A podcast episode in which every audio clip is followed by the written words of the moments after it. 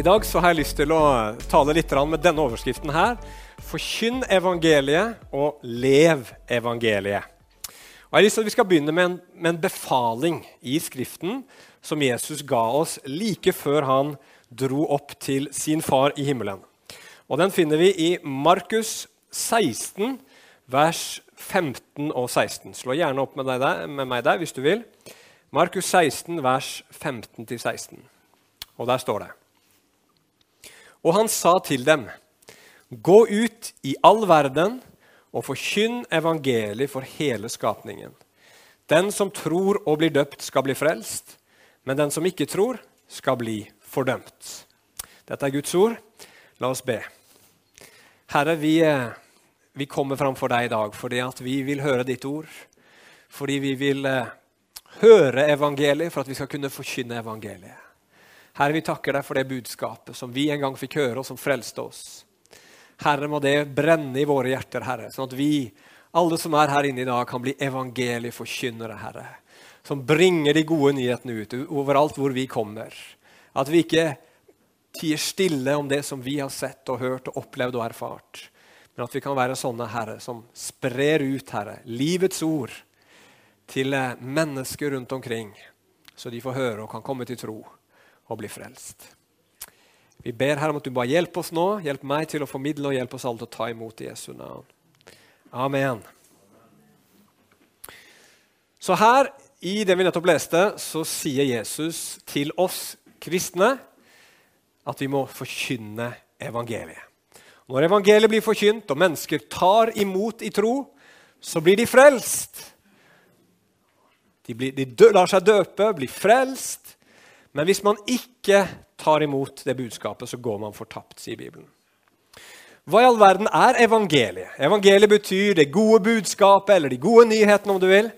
Og Ifølge Paulus i 1. Korinterbrev 15, vers 1-4, så er evangeliet de gode nyhetene om at Jesus døde for våre synder, og at han sto opp igjen, sånn som Gud hadde lovt i Det gamle testamentet. Og Det som er så utrolig bra med å være en kristen, det er at Gud ikke frelser deg, han frelser ikke meg gjennom gjerninger vi gjør. Men han frelser oss gjennom en gjerning som han gjorde for 2000 år siden. Og så når det han gjorde for deg på korset, Jesus, det når deg gjennom forkynnelsen av det budskapet. Gjennom at du får høre om hva Jesus har gjort, og ta imot. Og Derfor sier Bibelen i Romerne 1, 16 at evangeliet altså de gode nyhetene, er Guds kraft til frelse for hver den som tror. Men så sier han videre litt seinere i, i romerbrevet, Paulus, at ingen kan komme til tro hvis ikke de først får høre. Og da må noen forkynne. Og de må bli sendt ut. Så Derfor så er det så ufattelig viktig at alle som tror på Jesus Kristus og selv har tatt imot evangeliet, er med på å bringe ut det budskapet til andre, så de også kan bli frelst. Men det som er veldig veldig viktig å forstå når det gjelder evangeliet, det er at det ikke er på en måte et sånt hva skal man si, magisk budskap. Det er ikke sånn at du bare sier noen ord om Gud, om Jesus og sånt, og så virker det uavhengig om den som hører på, forstår eller ikke. Nei, det er heller sånn, og Det nye testamentet er veldig veldig klar der, på at det er viktig at budskapet ikke bare blir hørt, men det må også bli forstått. Hvis dere husker lignelsen som vi blant annet leser i Matteus 13, om såmannen som sår kornet, eh, såkornet, og som treffer det forskjellige typer jordsmonn. Og så er det noe som havner langs veien der det er hardt, og fuglene kommer og tar dette kornet, så de ikke får slå røtter i jorda og bære frukt. Så sier Jesus etterpå når han forklarer den lignelsen da, at de som falt langs veien, det er de som hører ordet om riket, men så forstår de det ikke. Og så kommer djevelen og så stjeler han det. Det blir sådd, men de forstår det ikke. Og Jeg tror det er viktig at vi skjønner at evangeliet er noe som går inn gjennom ørene, og så først til hjernen. Og så må det bli forstått der før det går videre til hjertet. Og da går det liksom ikke om vi forkynner evangeliet på latin, f.eks. Det var jo noe av problemet i middelalderen. Da hadde de bare Bibelen på latin, og de hadde gudstjeneste på latin. Og det var sikkert fin musikk og sang, og det var sikkert flotte ord. Hørtes sikkert vakkert ut, men mennesket ble ikke frelst. Det som ble forkynt, var kanskje Guds ord, det var kanskje evangeliet, men mennesket ble ikke frelst fordi de forsto ikke hva som ble sagt. Og På samme måte så kan vi i dag, når vi skal fortelle andre mennesker om Jesus, bruke ord som hindrer dem i å forstå. Altså, nå, nå, nå, karikerer jeg litt, og det er ikke for å gjøre narr av noe, men det er bare liksom gi et eksempel. Hvis du sier til et menneske i dag at du trenger forløsning gjennom Jesu blod, så er det helt sant. Eller lammets blod, kan du si kanskje. Så er det helt sant. Men det er en viss sjanse for at den som hører det, ikke helt forstår hva du mener. De forstår ikke hva, hva forløsning er, og hva lammet er, og hva blod har med alt dette her å gjøre. Ikke sant? De må forstå det. Og jeg hørte, hørte et veldig, eller leste en veldig bra illustrasjon som jeg synes jeg, jeg har lyst til å dele her. Se, se for deg to egg. To egg kan se helt like ut på utsiden, men de kan være fundamentalt forskjellige på innsiden. Det ene egget kan være dødt på innsiden, det andre kan ha liv. Fordi det ene egget ikke er befrukta, og det andre egget er befrukta. Det ser helt like ut på utsiden, men på innsiden er det en gigantisk forskjell som gjør at det ene vil bli til en kylling, som senere blir til en høne eller en hane. Men hva er det som utgjør den forskjellen? Hva er det som, gjør, hva er liksom som har skjedd med det ene egget, som ikke har skjedd med det andre? Jo, det ene egget har blitt befrukta. Og, eh, og, og, for at det skal bli befrukta, så må det komme noe DNA fra hanen inn i hønen, og så befrukte det egget. Da lurer kanskje noen på hvordan gjør høner det. Det kan du slå på Wikipedia og haner når du kommer hjem. Men det er ikke det som er poenget. Poenget er det at DNA DNA det er informasjon. Det er en kode i, eh, inni en celle som inneholder informasjon. Og når den informasjonen kommer inn i det ene egget, så blir det liv. Men det andre egget har ikke fått den informasjonen. Derfor blir det dødt. Og På samme måte er det med oss. Og Bibelen sier til og med at du og jeg blir født på nytt gjennom informasjon. Det står det i 1. Peter 1,23 at dere har blitt født på nytt av Guds ord. Så når mennesker får informasjonen om evangeliet, det går inn gjennom øret, og de forstår det med sine hjerner, forstår at det er sant, så kommer det informasjon inn som befrukter det livet og gjør at det livet, det mennesket blir født på nytt. De må få informasjon for å bli frelst, sier Bibelen. Nå er det veldig viktig for meg da å understreke at det betyr liksom ikke at for at mennesker skal bli frelst, så trenger vi bare være veldig gode på å kommunisere eller på å formidle. Vi ser det i Bibelen at det er Den hellige ånd som overbeviser menneskers hjerter om synd, om dom, om rettferdighet. Det er helt klart. Eh, vi ser at eh, Gud, står det i Johannes 6, 44, er den som drar mennesker til Jesus. En flott historie i Apostlenes gjerninger 16 eh, om Lydia, som er en purpurselger fra var det Tyatira eller noe sånt. Noe. I hvert fall så taler Paulus Guds ord til henne, og så åpner Gud hjertet hennes, står det. Og så kommer hun til tro. Så, så lytter hun nøye, og så kommer hun til tro på det Paulus forkynner. Så vi skjønner at det må skje noe overnaturlig når et menneske blir frelst. Og derfor må vi be. Det er kjempe, kjempeviktig å be. Det er liksom denne bønnen som lar den informasjonen gå fra hjernen ned i hjertet. Og det er når det går fra hjernen ned til hjertet, at et menneske blir frelst. Og Derfor må vi be. Men allikevel så sier ikke da Bibelen at derfor er det ikke så nøye hvordan du formidler. Nei, Bibelen viser oss at vi må formidle på en måte som gjør at folk forstår. Og Du kan se mange eksempler på det i Apostlenes gjerninger. hvis du leser kapittel 2. Der forkynner Peter til eh, jøder og Da formidler han evangeliet på en bestemt måte. Men hvis du hopper til Apostlenes gjerne 17, så forkynner Paulus til grekere på Areopagos. Og der forkynner han på en helt annen måte. Det er samme budskapet, det er samme Jesus. Det er alt det samme, men det blir sagt på helt vidt forskjellige måter. Fordi at de som lytta til, skulle forstå at det gjaldt dem. Forstå at det handla om deres liv. Forstå inn i deres tankeverden, deres verdisystem, hva evangeliet var for noe. Og Det som er fantastisk med evangeliet, det er det at det er det alle mennesker trenger å høre. Det er Guds plan for, og redningsplan for absolutt alle mennesker. Alle trenger evangeliet! Og evangeliet er svaret på alle menneskers problemer og på denne verdens problemer. Og det betyr at når du treffer et menneske, så har det mennesket spørsmål, store spørsmål som de stiller. De har en søken og en lengsel, og de bærer på smerte. Og evangeliet er svaret i deres spørsmål, deres søken og deres smerte. Og så er det vår oppgave å hjelpe dem å forstå at det du spør deg sjøl om, den smerten du kjenner på Jesus er svaret! Og Da må vi prøve å lytte, da må vi høre på hvor mennesker er. ikke sant? Du kan ikke bare komme til et menneske og si et eller annet uten å prøve å se litt hvor er det mennesket i livet sitt. Hva er menneskers spørsmål? Hva er det de lurer på? Hva slags håp er det de bærer på? Hva slags frykt er det som preger deres liv akkurat nå? Hva er det de er opptatt av? Hva tror de liksom er det store problemet i tilværelsen? Hva er det de tenker er det gode liv? Som liksom er det man bør trakte etter her i livet. Og så er det vår oppgave å lytte og så vise at det er evangeliet som er svaret. Det betyr ikke at evangeliet nødvendigvis er liksom det direkte svaret på et menneskes problem.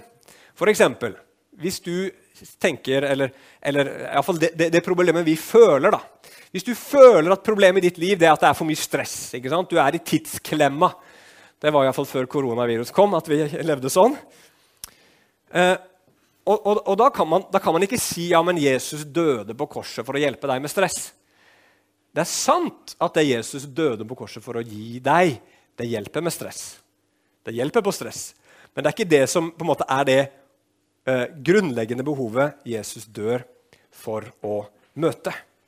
Stress det er bare et symptom på noe mer grunnleggende som ikke er i orden.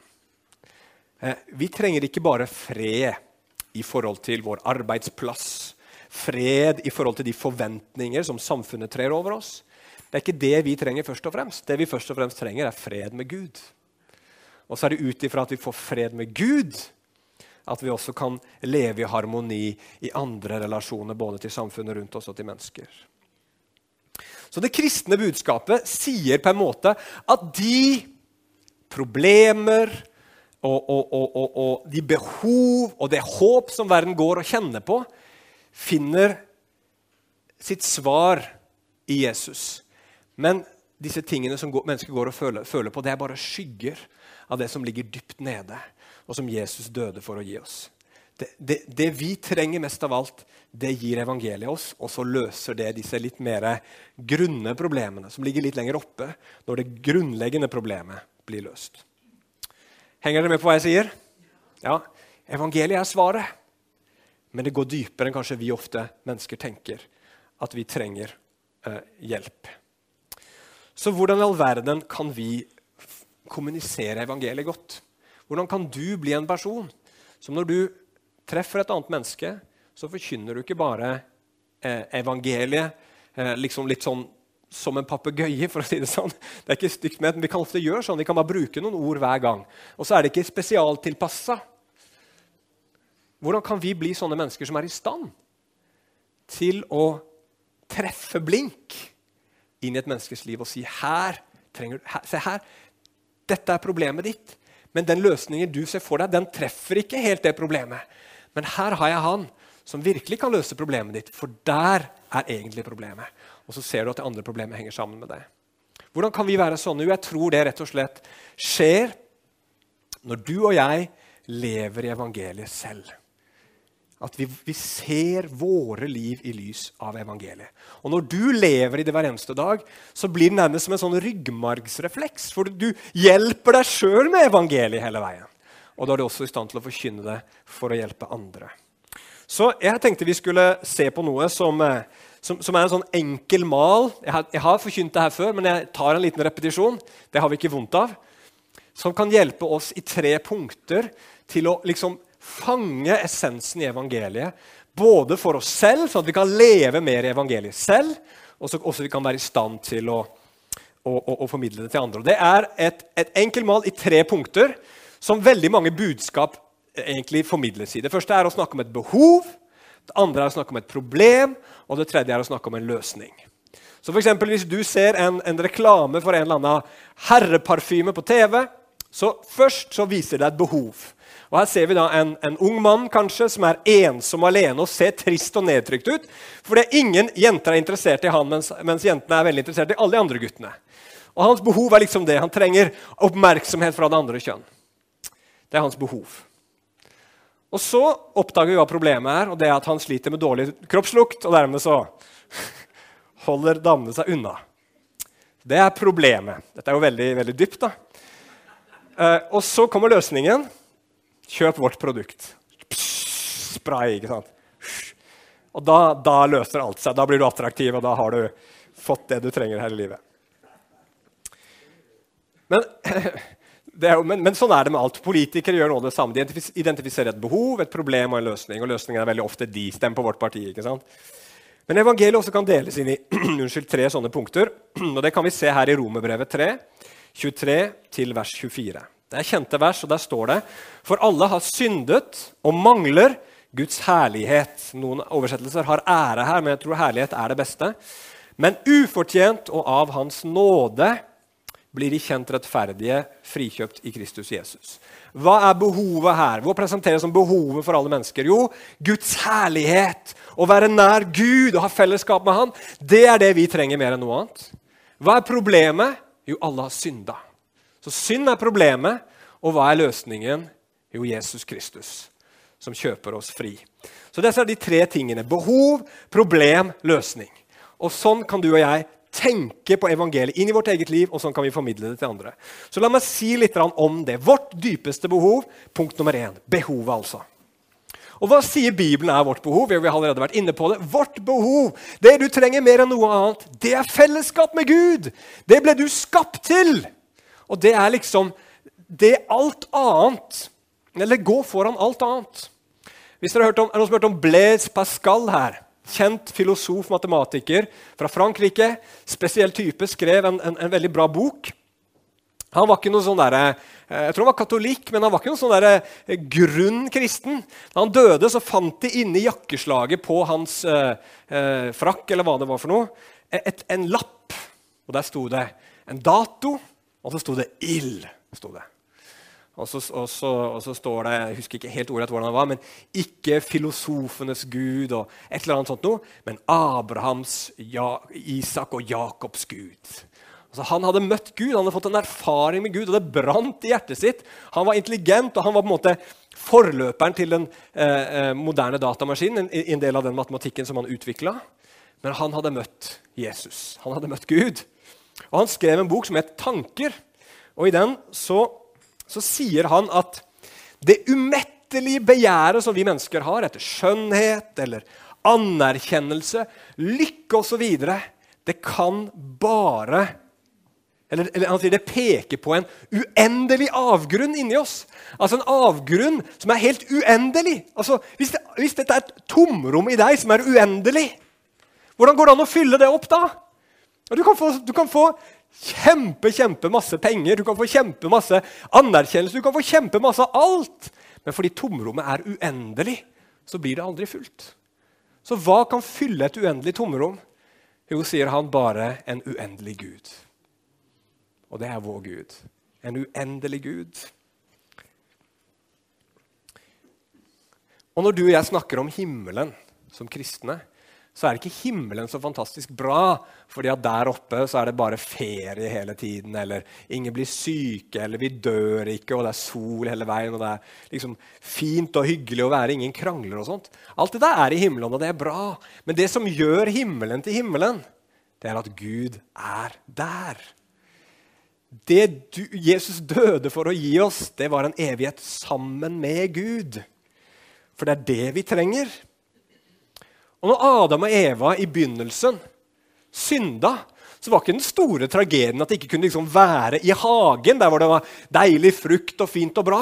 Den store tragedien kom lenge før de ble utvist fra hagen. Det var da de ble adskilt fra Gud.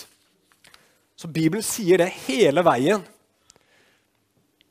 At det vi trenger mest av alt, vårt behov, ethvert menneskes behov, det er fellesskap med Gud. Og alle problemer vi har, bunner i det. Om det er forurensning, om det er krig, om det er sykdom, om det er psykiske problemer, relasjonelle problemer Alt bunner i det at vi har mista den grunnleggende relasjonen med Gud. Og fordi den relasjonen er ødelagt, så blir alle andre relasjoner også ødelagt. Om det er til skaperverket eller til hverandre. Og så er det også sånn at alt det vi lengter etter, alt det som vi drømmer om, alt det som vi higer etter, det er bare et sånt vagt minne av det vi en gang hadde, og som vi alle sammen ble skapt for å ha. Dette fellesskapet med Gud.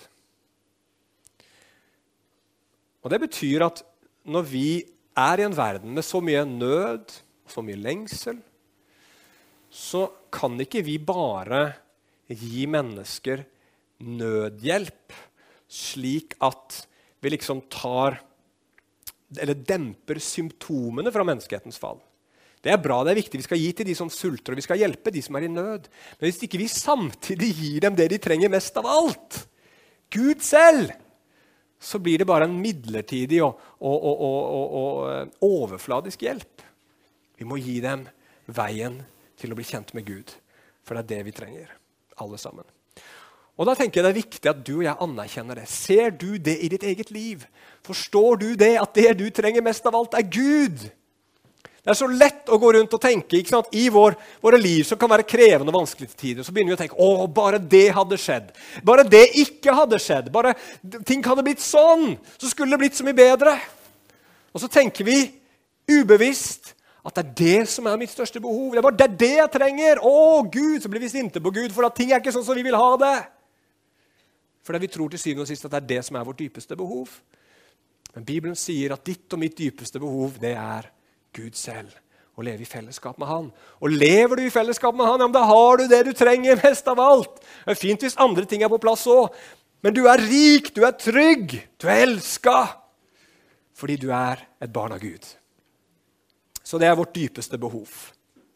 Og Hvis du lever i det, forstår det, så kan du også hjelpe mennesker til å se at det du tror du trenger, det kommer ikke til å hjelpe deg når alt kommer til alt. Fordi du trenger noe større. Du trenger noe mer solid. Du trenger noe mer levende enn det der. Og det er det bare Gud som kan gi. I den han er. Og Det må vi tenke i møte med mennesker. Men så er spørsmålet da hva er vårt største problem? Vel, Hvis vårt største behov er Gud, så må jo det største problemet være det som hindrer oss i å komme til Gud. Og Da sier Bibelen at det er synd. Og Det kan oversettes i Bibelen med å bomme på målet. Eh, og det, det, er en ganske bra illustrasjon i den forstand at det betyr at du ble skapt til noe. Du ble skapt med en hensikt. Gud skapte deg for noe. Han har fortalt oss hva han skapte oss for. Til å leve i fellesskap med han, leve i kjærlighet til hverandre, følge hans bud og regler. Men så har vi begynt å leve på en måte som ikke er i tråd med det Gud skapte oss til. Da bommer vi på målet vi ble skapt for. Og da blir det ifølge Bibelen disharmoni og ødeleggelse. Og Jeg har brukt den illustrasjonen her også før, men denne kan også brukes igjen. Nemlig, Se for deg et orkester. En dirigent han forteller orkesteret hva de skal spille, hvordan de skal spille, når de skal spille. Og Hvis du har én person i orkesteret som ikke vil høre på dirigenten, men vil gjøre på sin egen måte og spille sin egen melodi, da blir det disharmoni. Og så blir hele musikkstykket ødelagt. Og det er det som skjer i vår verden. Gud er dirigenten, og vi vil ikke leve sånn som han har sagt at vi skal leve. Vi bøyer oss ikke under dirigenten, og så blir det disharmoni, og så blir det ødeleggelse. Og hvordan skjer det da at vi liksom synder, lever i, i disharmoni med Gud? Og I første kapittel av Rombrevet, andre kapittel, så sier Paulus en god del om det. Han sier f.eks. at det, eh, vi synder når vi vi behandler skapte ting som om det skulle vært Gud, altså avgudsdyrkelse, når vi bryter Guds bud, men også når vi forsøker å føle oss gode og rettferdige ved å se ned på og fordømme andre mennesker. Alt dette her er det Bibelen snakker om, eller Bibelen kaller synd. Og Når vi lever i vår tid og vi sier ordet synd, så går rullegardina ned på nesten to sekunder for de aller fleste. ikke sant? Synd, bah. tenker ja, Det var 1800-tallet eller noe sånt man snakka om synd. Derfor trenger vi å hjelpe mennesker til å forstå hva vi mener med synd, så de kan se at oi, det er faktisk noe sånt i mitt liv òg. Og det er ikke bra, og jeg vil ikke at det skal være sånn. Og Det fins mange måter vi kan komme inn på det med. Eh, måter vi kan komme inn på det. Men jeg tenker at et veldig bra, eh, en veldig bra måte å gjøre det på, det er det som, som eh, en del eh, forkynnere har gjort i det siste. Fokusere på det som Bibelen kaller for avgudsdyrkelse. Og Hva i all verden er avgudsdyrkelse? Vel, Det er ikke bare det å bøye seg ned for en statue. Men det er ifølge en som heter Tim Keller, det som blir viktigere for deg enn Gud, det er en avgud. Det som fanger ditt hjerte og din forestillingsevne mer enn Gud, det er en avgud. Det du søker for at det skal gi deg det bare Gud kan gi, det er en avgud. Altså Når vi begynner å søke i det skapte, det som bare Gud kan gi oss, da blir det en avgud. Eh, og det fins masse eksempler på, på avgudsdyrkelse i vår kultur. Eh, jeg skal nevne et par eksempler. Det er ikke for å henge ut de som det gjelder, men det er bare for å vise hvor universelt det her er. Sophie Elise er en kjent, eller var en kjent blogger i Norge som gjennom mange år levde og ånda for å bli en berømt blogger. Og så ble hun det. Og da hun ble det, så, så, så, så sier hun følgende Dette her er fra en artikkel på NRK. Hun trodde at alt hun ønsket seg, var at folk skulle se henne. Hun higet etter oppmerksomhet og en kjent blogg. Men så var det ikke helt greia likevel. Da Sophie Elise ble en greie, da det ble et merkenavn, skulle jeg gitt alt for å være i Vesterålen. For jeg hadde ikke lyst til å være Sophie Elise, sier superblogger Sophie Elise Isaksen. Så hun tenkte bare at jeg blir berømt og kjent, så kommer jeg liksom da kommer jeg til å være noe, da kommer jeg til å finne det jeg lengter etter i livet mitt. Men hun opplevde bare tomhet. For andre mennesker så jager man etter noe, higer etter noe, men så klarer man aldri å få det til. Da knuser det deg. En annen uh, artikkel jeg fant på nettet, det er en som heter Jon Hodnemyr. Han var eliteseriespiller på Start. Han skriver følgende.: Jeg har prestasjonsangst. Jeg er redd for å gjøre feil. Jeg er redd for hva andre tenker om meg. Og jeg gremmes av tanken på å bli vurdert. Jeg griner, jeg er redd, og jeg er følsom. Jeg var tippeligaspiller, men jeg orket ikke mer. Det var ikke meg. Jeg ville stå på toppen, jeg ville være nummer én. Og være den alle så opp til. Her ser du hans lengsel. ikke sant? Det var slik jeg ble formet av miljø og omgivelser rundt meg. Det var drømmen min, det var alt jeg tenkte, alt jeg ville, før det tok knekken på meg. Så Sånne avguder har en tendens enten til å gjøre oss tomme, for vi får de. De klarer ikke å fylle oss. Eller de har en tendens til å knuse oss, for vi vil så gjerne ha det, men vi klarer det ikke. Og da er, liksom, da er vi ikke verdt noen ting. Da er vi søppel, da er det tomt, da er det meningsløst. Men det aller største problemet med disse avgudene det er at de blir så viktige for oss at de blir viktigere enn andre ting som egentlig burde være viktigere. For eksempel Alle sammen vet at vi skal snakke sant. Sant? Vi skal ikke lyve. Vi må være ærlige. Og De aller fleste mennesker er enig i det. Hvis du liksom tar en sånn håndsopprekning, skal vi, skal vi lyve eller snakke sant? Nei, vi må snakke sant. Problemet er bare at mennesker vi kommer alle sammen til et punkt hvor det som er det aller viktigste for oss, kommer på kollisjonskurs med den verdien å snakke sant. Hvis det aller viktigste for deg er at andre skal tenke godt og vel om deg, og det kommer fram informasjon om at du har gjort noe veldig dumt, hva gjør du da? Er du ærlig da og sier ja, det var meg eller det var jeg som gjorde det? Hvis det at andre skal ha et godt inntrykk av deg, er det aller viktigste for deg, ja, da er du nødt til å lyve, da. Så ikke du skal miste det som du tror du må ha mer enn noe annet. Og Sånn er det med disse avgudene. De blir så viktige for oss. Vi lever for dem, vi jager etter dem. Og så går vi på kompromiss med andre ting. Det som veldig ofte skjer når vi, vi har sånne ting som vi, vi, bare må ha for enhver pris, det er at vi begynner å bruke mennesker eh, og, og, og, eh, og elske ting istedenfor å elske mennesker og bruke ting sånn som er mer riktig. Og hva gjør Gud da? Hva, skal, hva, må Gud gjøre da? Jo, hvis vi går tilbake til dette orkesteret Hvis, hvis det fins én som vil spille The Final Countdown, når alle andre skal spille Beethovens 9. symfoni. Da blir det ikke vakkert. ikke sant? Så hva må dirigenten gjøre? Jo, Enten så må den som vil spille The Final Countdown, omvende seg for å bruke det ordet, og bli med og spille det alle andre spiller på. Eller så kan ikke personen være med i orkesteret. Og Når Bibelen snakker om fortapelse, så er jo det et ord som eller hvis man bruker ordet helvete, så blir det enda verre. Så er det et ord som folk bare har problemer med å forstå, selv vi kristne. For vi tenker hva i all verden? Hvordan kan Gud på noen som helst måte være rettferdiggjort i å la noen få leve i evig piende. P pine. Piende. Pine. Altså, det, Gud må jo være ondsinna og grusom hvis han overgir mennesker til noe sånt. Men saken er bare den at hvis et menneske ikke ønsker å leve under Gud, å leve sammen med Gud, og være med på den harmonien som han ønsker å skape, så har Gud bare ett alternativ. Og det er å si ok, men da kan du ikke være sammen med meg.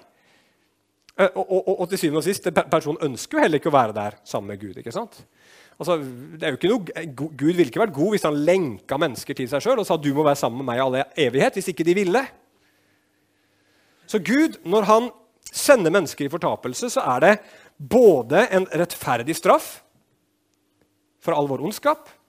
Det renser den kommende verden for alle de som ikke ønsker å leve på Guds måte. Men til syvende og sist så er det jo bare helt rimelig. Mennesker sier til Gud 'Gud, jeg vil ikke ha noe med deg å gjøre.' Og så sier Gud 'Det er helt greit. Du skal få slippe.' Og så er det fortapelsen.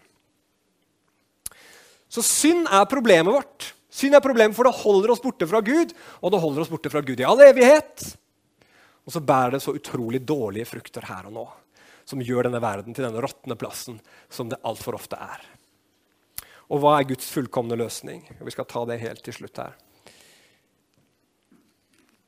Et eller annet må gjøre noe med den synden som skiller oss og Gud. Et eller annet må forandre hjertene våre, sånn at vi har lyst til å bøye hjertene våre for Gud.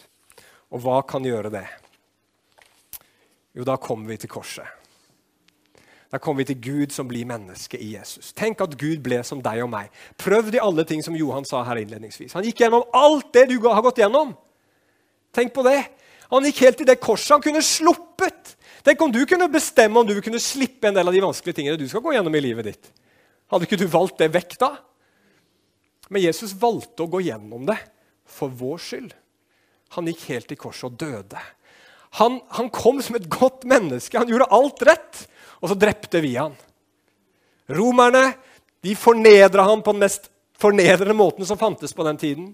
For jødene så ble han som en forbannelse. Men for Gud så sto Jesus der på korset, eller hang der på korset i vårt sted og tok straffen for oss. Sånn at den straffen og den dommen som skulle ramme oss, ramma han istedenfor. Derfor roper han på korset, 'Min Gud, min Gud, hvorfor har du forlatt meg?' Han blir adskilt fra Gud for at vi ikke skal bli det. Så, så, så veien åpnes, synden tas bort. Han renser ved selv å ta straffen på seg. Det gjør Gud i Jesus. Og I tillegg til det så åpenbarer han sin kjærlighet. Han åpenbarer hvor mye han elsker deg. Tenk at Gud var villig til å gå til den eh, fortapelsen som du og jeg var ment å skulle få for vår skyld. Bli adskilt fra Gud. For deg og meg. Så mye elsker han oss. Han går så langt ned han kan for deg. Han betaler den høyeste prisen som det er mulig å betale for deg. Han gjør alt han kan han kan ikke gjøre noe mer. Han går til det ytterste. Det fins ikke noe mer Gud kan gjøre. Var, det, det, han måtte gjøre det mest ekstreme, og han gjorde det for at du skulle bli frelst. Så mye elsker han deg. Og hvis vi vet at Gud elsker oss så mye, hvordan kan vi gjøre noe annet da? Enten å si det der vil jeg bare ikke ha noen ting å gjøre med, jeg ikke tenke på det engang. For hvis du begynner å tenke på det, så må du bøye kne og akseptere han som frelser og herre og gi han hele ditt liv. Du må enten bare avvise det fullstendig, eller du må falle sammen og tilbe. Så kraftfullt er korset. Og det redder oss. For ikke bare tar det vekk barrieren, synd, som står mellom oss og Gud, men det forandrer hjertene våre. Nå får vi lyst til å være sammen med Gud. Nå ønsker vi å være eh, underlagt Han. For klart vi vil høre på en Gud som elsker oss så mye, som har ofra så mye for, for oss. Det er klart vi vil følge Han. Og så får vi tilgivelse for absolutt alt på forhånd. Og da kan vi endelig begynne å leve liv hvor vi ikke lever ut ifra egoistiske motiver. Og så er det nåde, og det er ved tro. Det er gratis, og du får lov til å ta det imot. Og kjære venner, det er det vi trenger i vårt samfunn. Det er dette budskapet vi, vi trenger nå. Vi har alltid trengt det. Menneskene har alltid trengt dette budskapet, at behovet vårt er Gud. Problemet vårt er synd, og løsningen er Jesus. Det trengs i dag, i et samfunn som vårt, hvor vi har alt. Men det er også alt vi har. Som Ole Paus sa, så trenger vi en større og mer varig skatt. I en tid som denne, hvor mennesker, og spesielt unge mennesker, sliter psykisk som aldri før, så trenger vi noe mer enn piller og litt sånne antimobbekampanjer. Vi trenger en sterkere trøst, vi trenger en dypere kjærlighet. Og det er det bare evangeliet som kan gi. I en verden hvor vi ser og begjærer, men blir bare tommere og tommere, så trenger vi å bli metta av Guds skjønnhet. Og i en verden hvor vi ødelegger vår planet i vår egoisme, for det er det det handler om til syvende og sist. Vi bruker for mye av det vi har blitt gitt. Fordi jeg vil ha mer til meg og til mine. Da trenger vi denne historien her. Med et uselvisk offer så stort at våre hjerter begynner å leve for noe annet enn å karre til seg alt det som jeg vil ha. Og for å forberede oss på en ny jord hvor rettferdighet bor. Derfor må vi leve i evangeliet, og derfor må vi fortelle det til andre mennesker. Det er dette som er svaret. Amen.